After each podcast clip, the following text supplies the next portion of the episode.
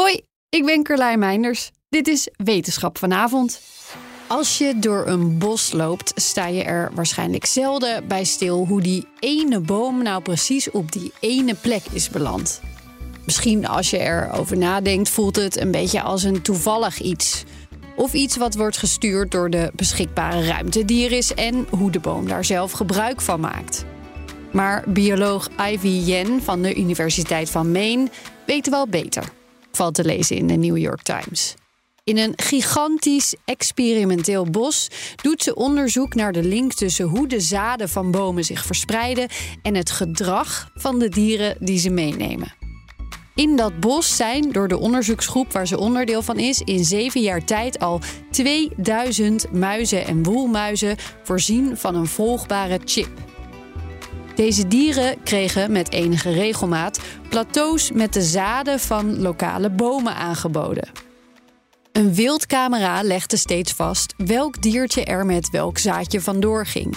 En niet giftig poeder op de grond liet vervolgens zien waar ze met het zaadje naartoe waren gegaan en of het ergens werd bewaard of was opgegeten al die gegevens van al die zaadjes, hun lot en het gedrag van hun dragers zijn de onderzoekers nu aan het analyseren.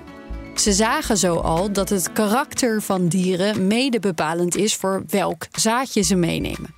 En ook dat de aanwezigheid van roofdieren invloed had op hoe met de zaadjes werd omgegaan. Ook zagen ze dat er meer dappere dieren waren in stukken bos waar gekapt werd en dat in een wild bos meer variatie in persoonlijkheden te vinden is. De onderzoekers hopen nog veel meer te ontdekken over hoe dit allemaal bijdraagt aan waar welke boom groeit. Want willen we onze ecosystemen beschermen en hun toekomst goed in kaart brengen, dan moeten we eerst weten hoe ze door dappere kleine diertjes worden gevormd. Is één minuutje wetenschap niet genoeg en wil je elke dag een wetenschapsnieuwtje? Abonneer je dan op Wetenschap vandaag. Je hebt aardig wat vermogen opgebouwd. En daar zit je dan, met je ton op de bank. Wel een beetje saai, hè?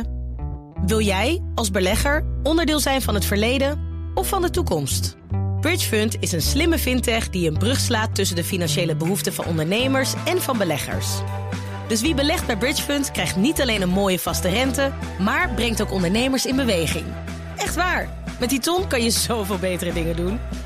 Bridgefund. Make money smile.